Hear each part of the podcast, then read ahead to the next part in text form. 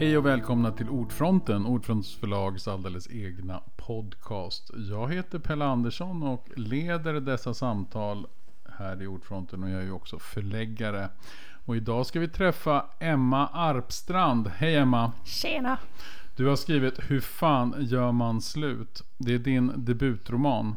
Jag måste ju nästan börja med det. Hur känns det att debutera? Eh, det känns eh, helt fantastiskt. Eh, en liten dröm gick precis i uppfyllelse när jag promenerade hit och gick in på Söderbokhandeln och fick se min bok där. Och där har jag varit så många gånger innan och bara drömt om att min egen bok ska få ligga där någon dag. Så det kändes surrealistiskt ja. men helt underbart. Men hur gör man då, då? Gick du in och bara tittade eller sa du någonting till personalen också om att kan ni ställa fram min bok lite tydligare eller gjorde du, gav du dig till känna på något sätt? Nej, jag borde kanske ha gjort det. Jag tänker att jag ska gå tillbaka dit och göra mig till känna. Men det kändes som personalen var eh, eh, upptagna med att eh, fylla på andra bokhyllor. Så jag gick dit, log väldigt starkt eh, för mig själv och sen tänkte jag, ja, jag går tillbaks eh, imorgon.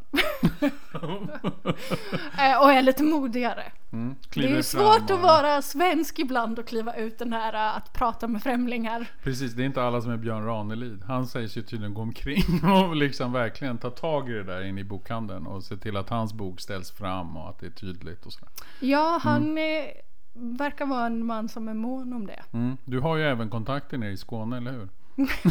så du kanske vet hur han är. Jag kanske får höra av mig till honom och fråga ifall han har några tips. Precis, så att du verkligen blir framställd mm. Mm, i bokhandeln. Mm.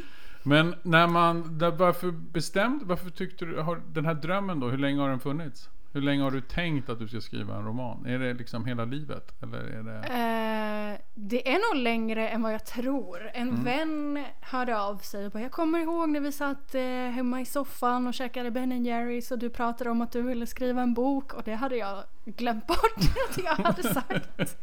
och det här var ju när vi gick på gymnasiet så det är ju liksom ah. halva mitt liv sedan, 15 år sedan ungefär. Um, men jag har alltid gillat att skriva. Mm. Uh, jag är ju journalist också. Mm. Tänkte att det är väldigt svårt att bli författare. Lite lättare att bli journalist. Så på ja. den vägen var det. Mm. Och så skrev jag ju det här manuset uh, när jag var 24. Um, ehm, och det blev ju väldigt refuserat. Mm. Av alla, även av ordfront.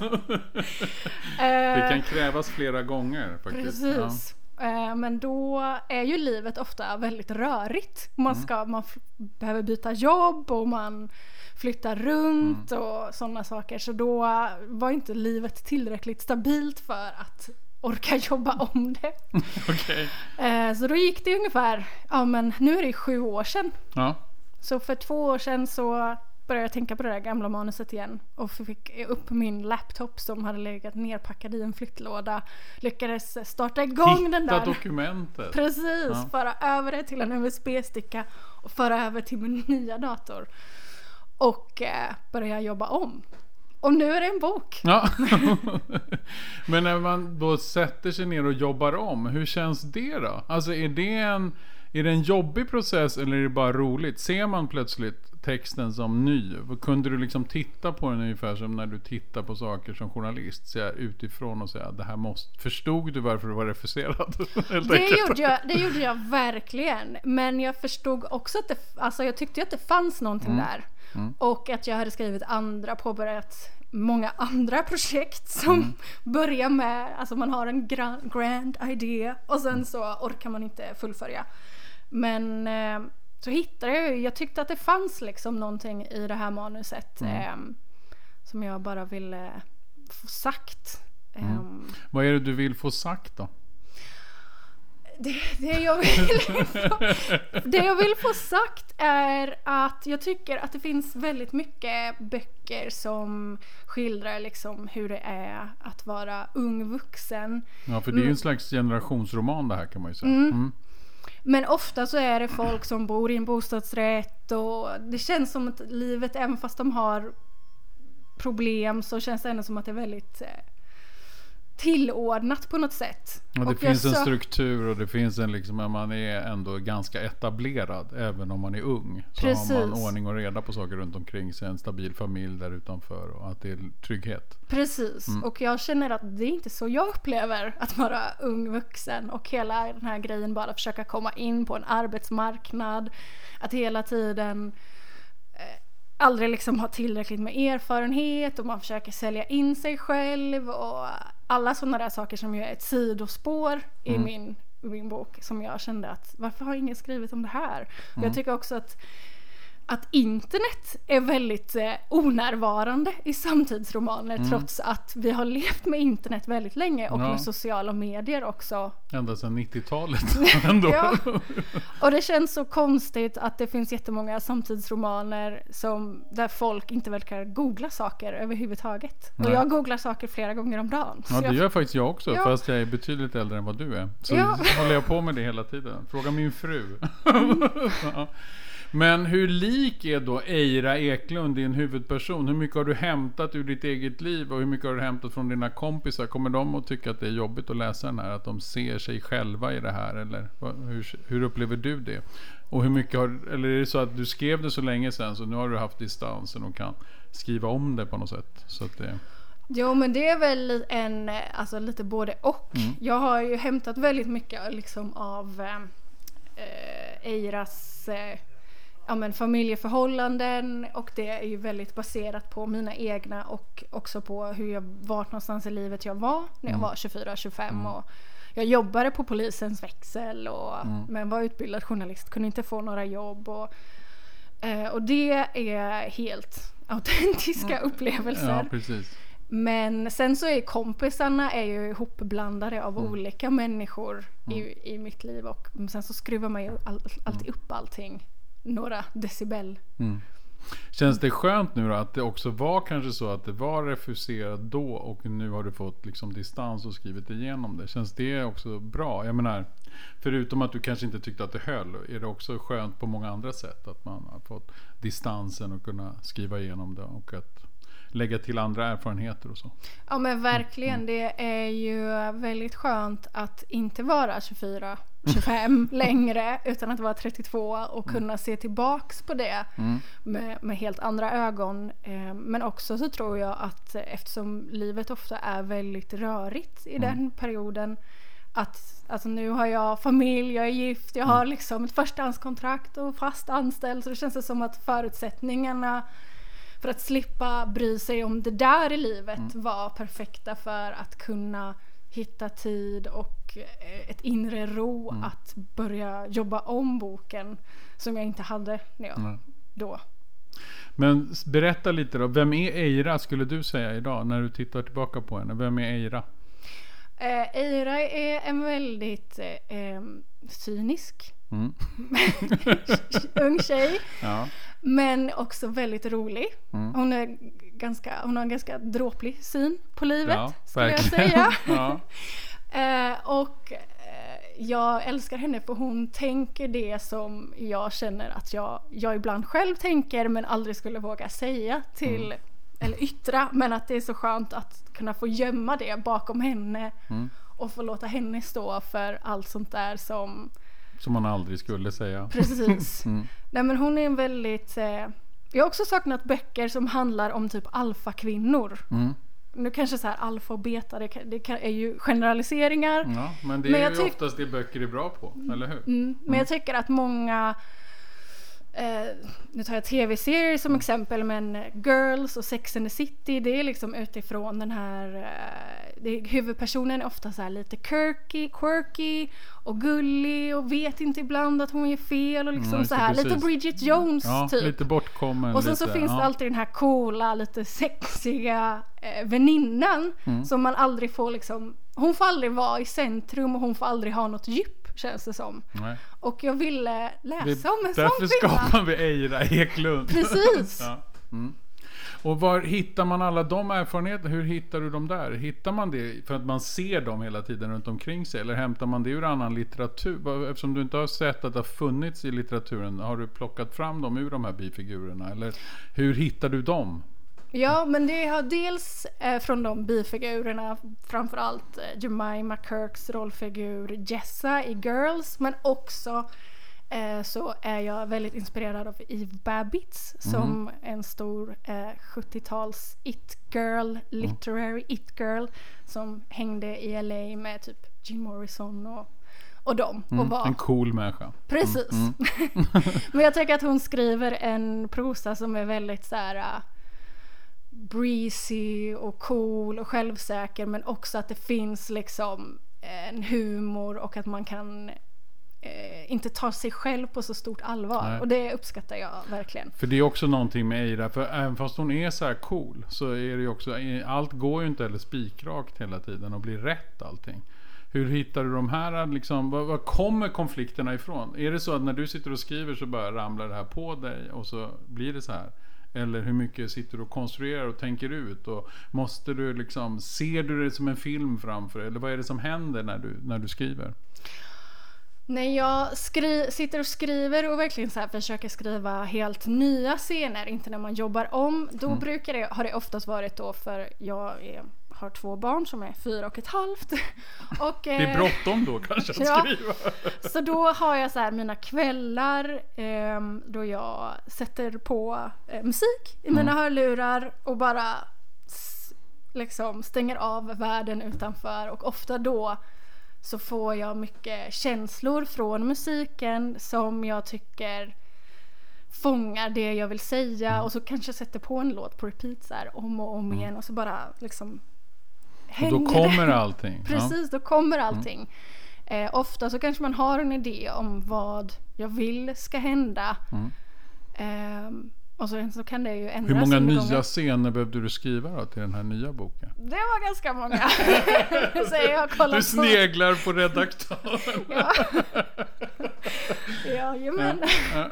Ja men det är ju eh, väldigt mycket som är eh, Omarbetat nytt och och, omarbetat. Ja. Men själva kärnintrigen Mm. och temat och det jag känner att jag ville säga med den här boken Mm. har ju alltid funnits där. Men sen så måste man ju konstruera om det för att få fram det på bästa sätt. Mm.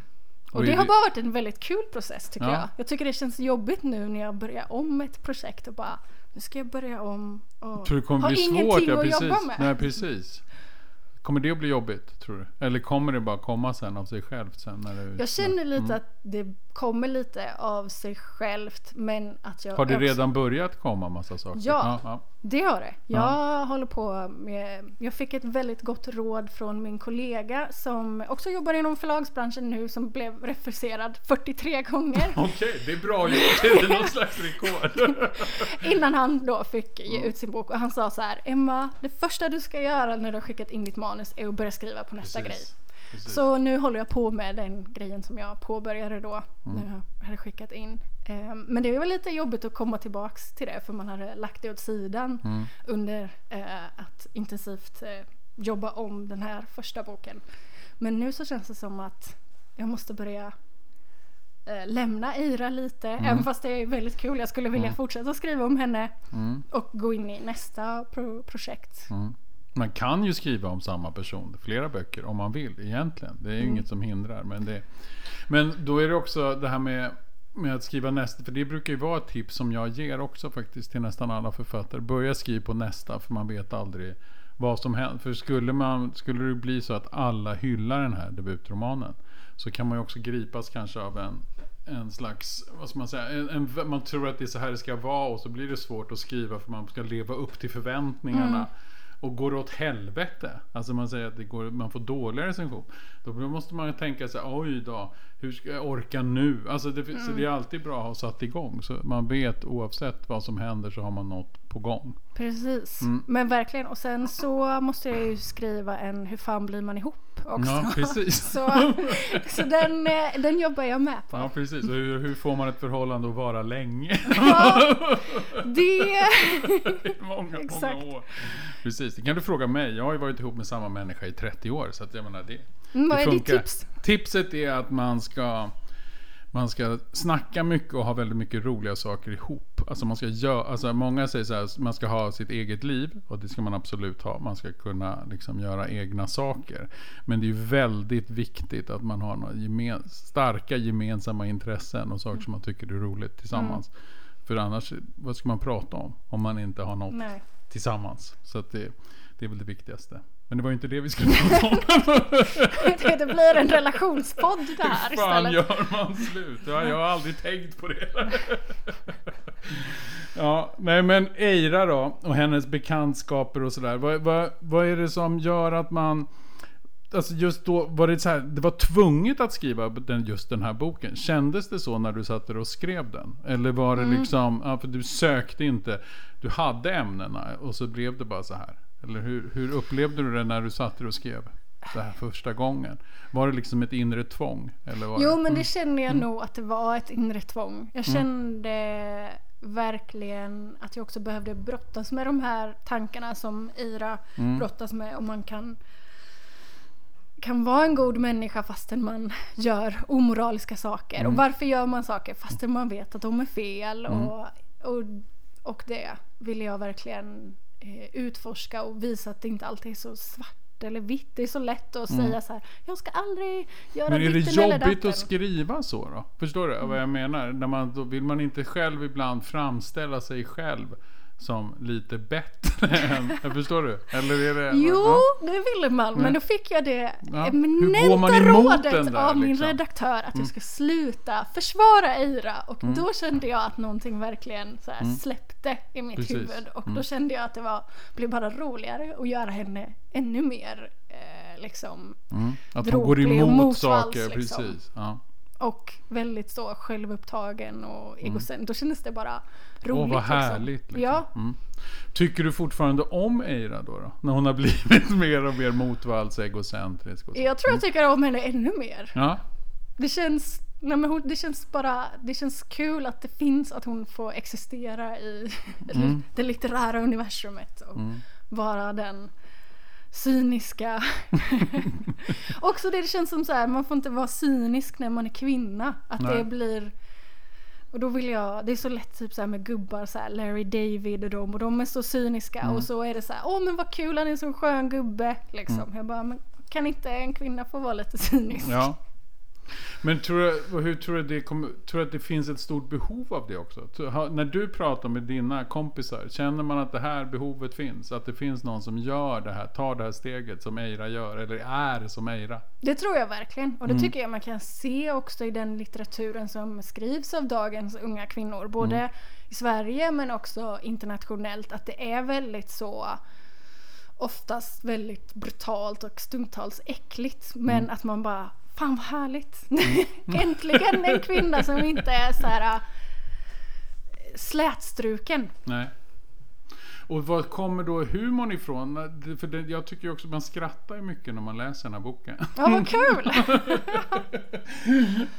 Och sitter man då och tänker ut det, eller blir det bara? För det är det här, jag är så in- fascinerad över hur det går till. Vad händer i huvudet? Eller när ser du att det här funkar? Eller det här blev bra? Eller är det bara något som känner, känns i kroppen? Eller läser du högt för någon ibland? Eller kolla, säger du till din man, nu ska jag läsa det här? Eller, Nej, min man har inte läst den. Nej. Jag vet inte om jag vill att han ska Han får aldrig läsa den. Nej. Ehm, men jag tror att, alltså, jag tror ju att på något sätt så handlar det väl om att man ska ha någon slags komisk ådra. Mm. Jag, inte för att skratta men jag tycker väl själv att jag är lite rolig. Ehm, och det underlättar väl, Ja. tänker jag. Men jag tror att eh, också nu när jag har jobbat om den så mycket så känner jag ibland bara, är det ens roligt längre? Eller Nej, har jag, jag, jag kan inte se för jag har skrivit om så mycket och och sådär. Så då känns det jättekul att, att folk ändå upplever den som rolig. Eh, för det var verkligen tanken. Jag vill ju både att det ska finnas liksom ett underliggande budskap men även underhålla. Det Jag tänker det är så man når folk allra bäst. Men eh, för att svara där på om jag känner det direkt när jag skriver det. Det, det tror jag faktiskt att jag gör. Det, ibland så känns det som man bara, fan nu fick jag till en bra, en bra mening här. Ja. Och så, och så klappar man sig själv på axeln och kanske tar ett glas av sitt vin och bara ja, Yes, yes, yes, där satt så kör man vidare. Mm.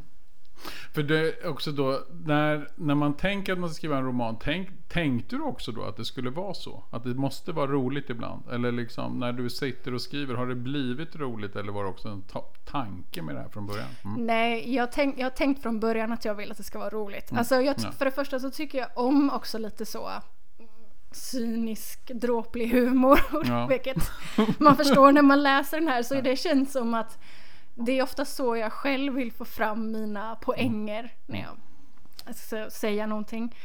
Eh, så det, det var verkligen en tanke. Och sen så har eh, både så här, bokens titel och omslaget och det har jag Eftersom jag jobbar mycket med sociala medier så vet jag ju hur kort eh, folks attention span är. Mm. Så jag tänkte jag måste verkligen ha liksom en, en titel som sticker ut. Det ska inte vara liksom något så här abstrakt som Det är bara något vackert. Nej, precis, för det är liksom man bara ja det låter vackert men jag vill ha någonting som folk bara, verkligen så här bara tjoff!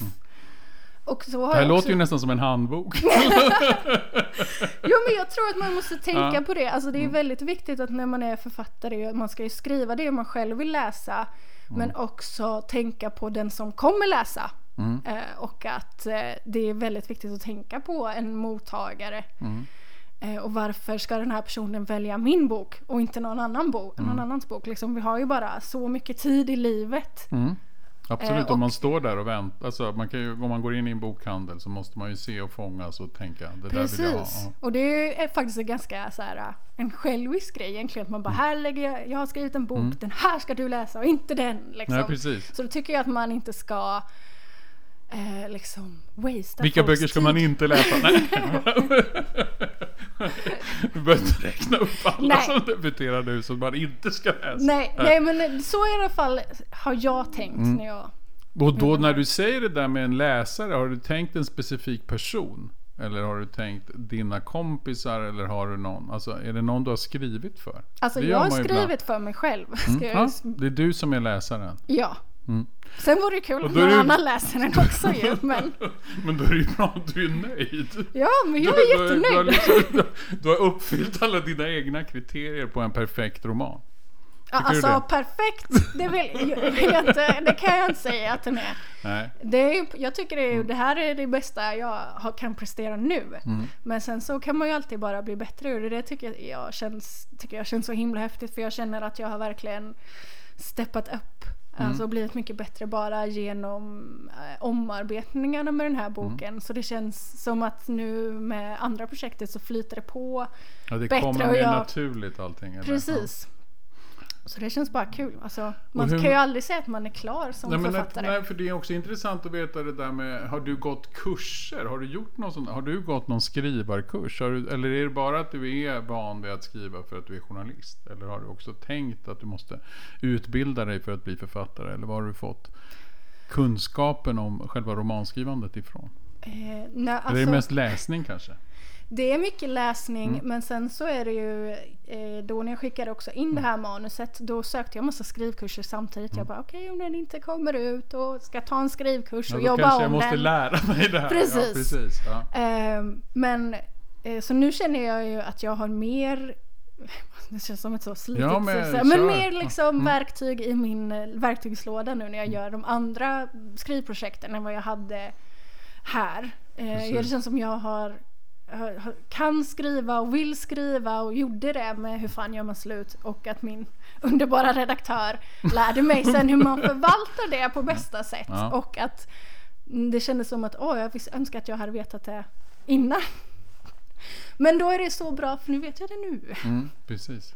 Och vad är skillnaden mellan att skriva journalistik och skriva roman? Alltså är det väldigt mycket roligare att skriva roman? Eller är det liksom två helt olika saker? Har de inte med varandra att göra? Eller känner du igen något? Jag känner ju att jag har blivit mycket bättre på att skriva artiklar på jobbet också på grund av det här. Och att eh, de båda två verkligen kan mötas. Eh, Men det som är härligt ju med en, att få skriva en roman är att man absolut inte behöver förhålla sig till fakta. Som man ju verkligen behöver göra när man skriver journalistik. Och där finns ju också en, en väldigt, väldigt tydlig struktur med liksom rubrik och brödtext och ingress och citat och liksom det är ju oftast, eh, oftast väldigt mallat. mallat. ja. Medan man får eh, lov att ta sig mycket mer friheter. Mm. Och det var det också eh, Jenny sa till mig i början. Att så här, "Emma, du måste bre ut dig.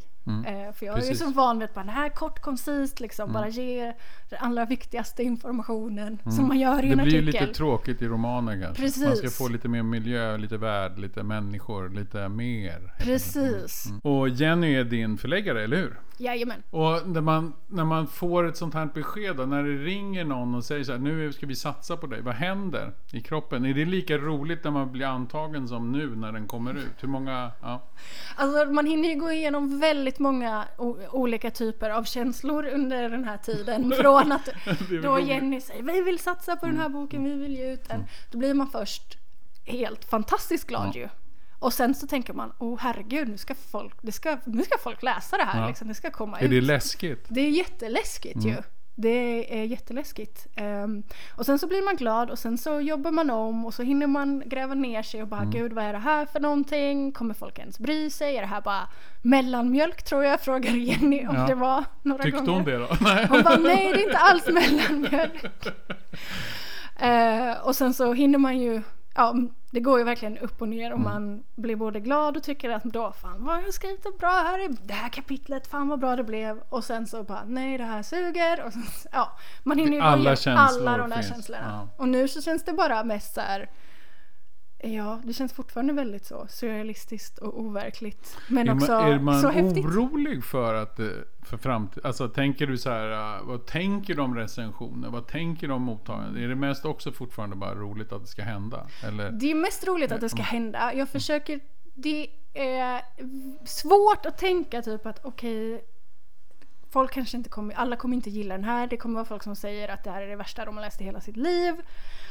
Eh, och det får man ju bara ta. För så, så är det ju med alla böcker. Ehm, och jag tänker, försöker i alla fall intala mig själv att, eh, att liksom vi är alla bara själar som styr ett köttbeklätt skelett på en liten sten i ett svart hav.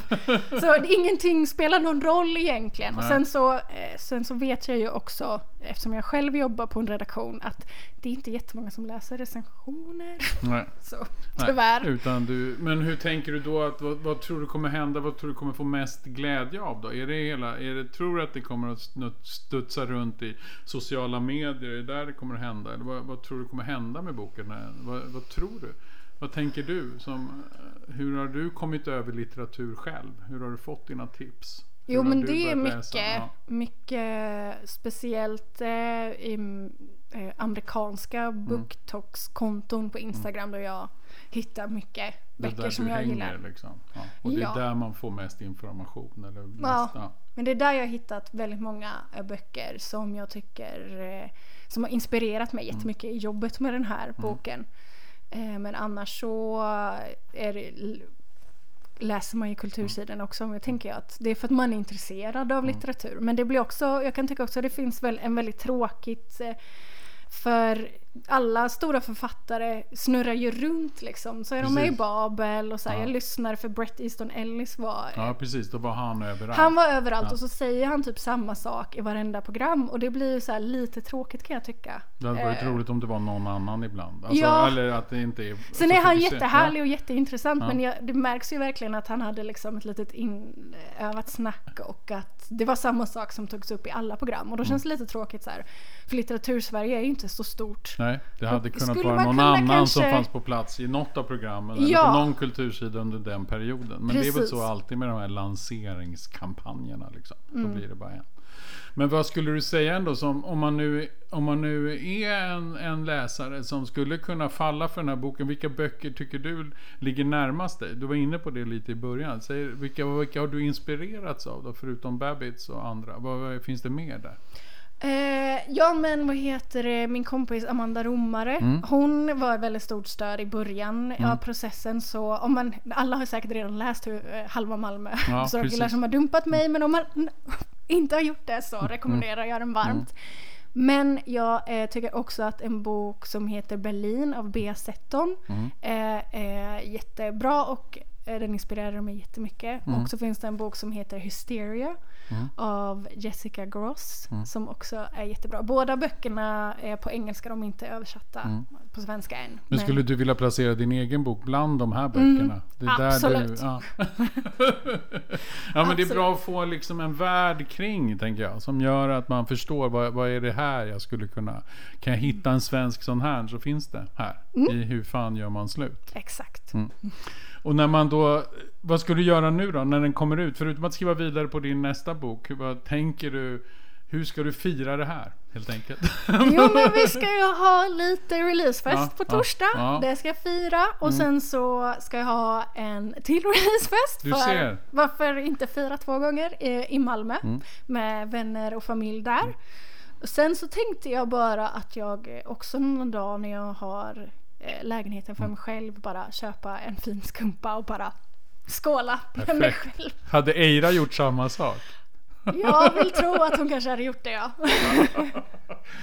Kalas! Tack så hemskt mycket Emma Arpstrand för att du ville komma hit till Ordfronten. Tack så mycket. Och att du ville prata om hur fan gör man slut och allting runt omkring att debutera och allting. Tack så hemskt mycket och tack för att du har skrivit boken och för att vi på Ordfront har fått ge ut den. Tack! Tack för att ni ville ge ut den. Mm.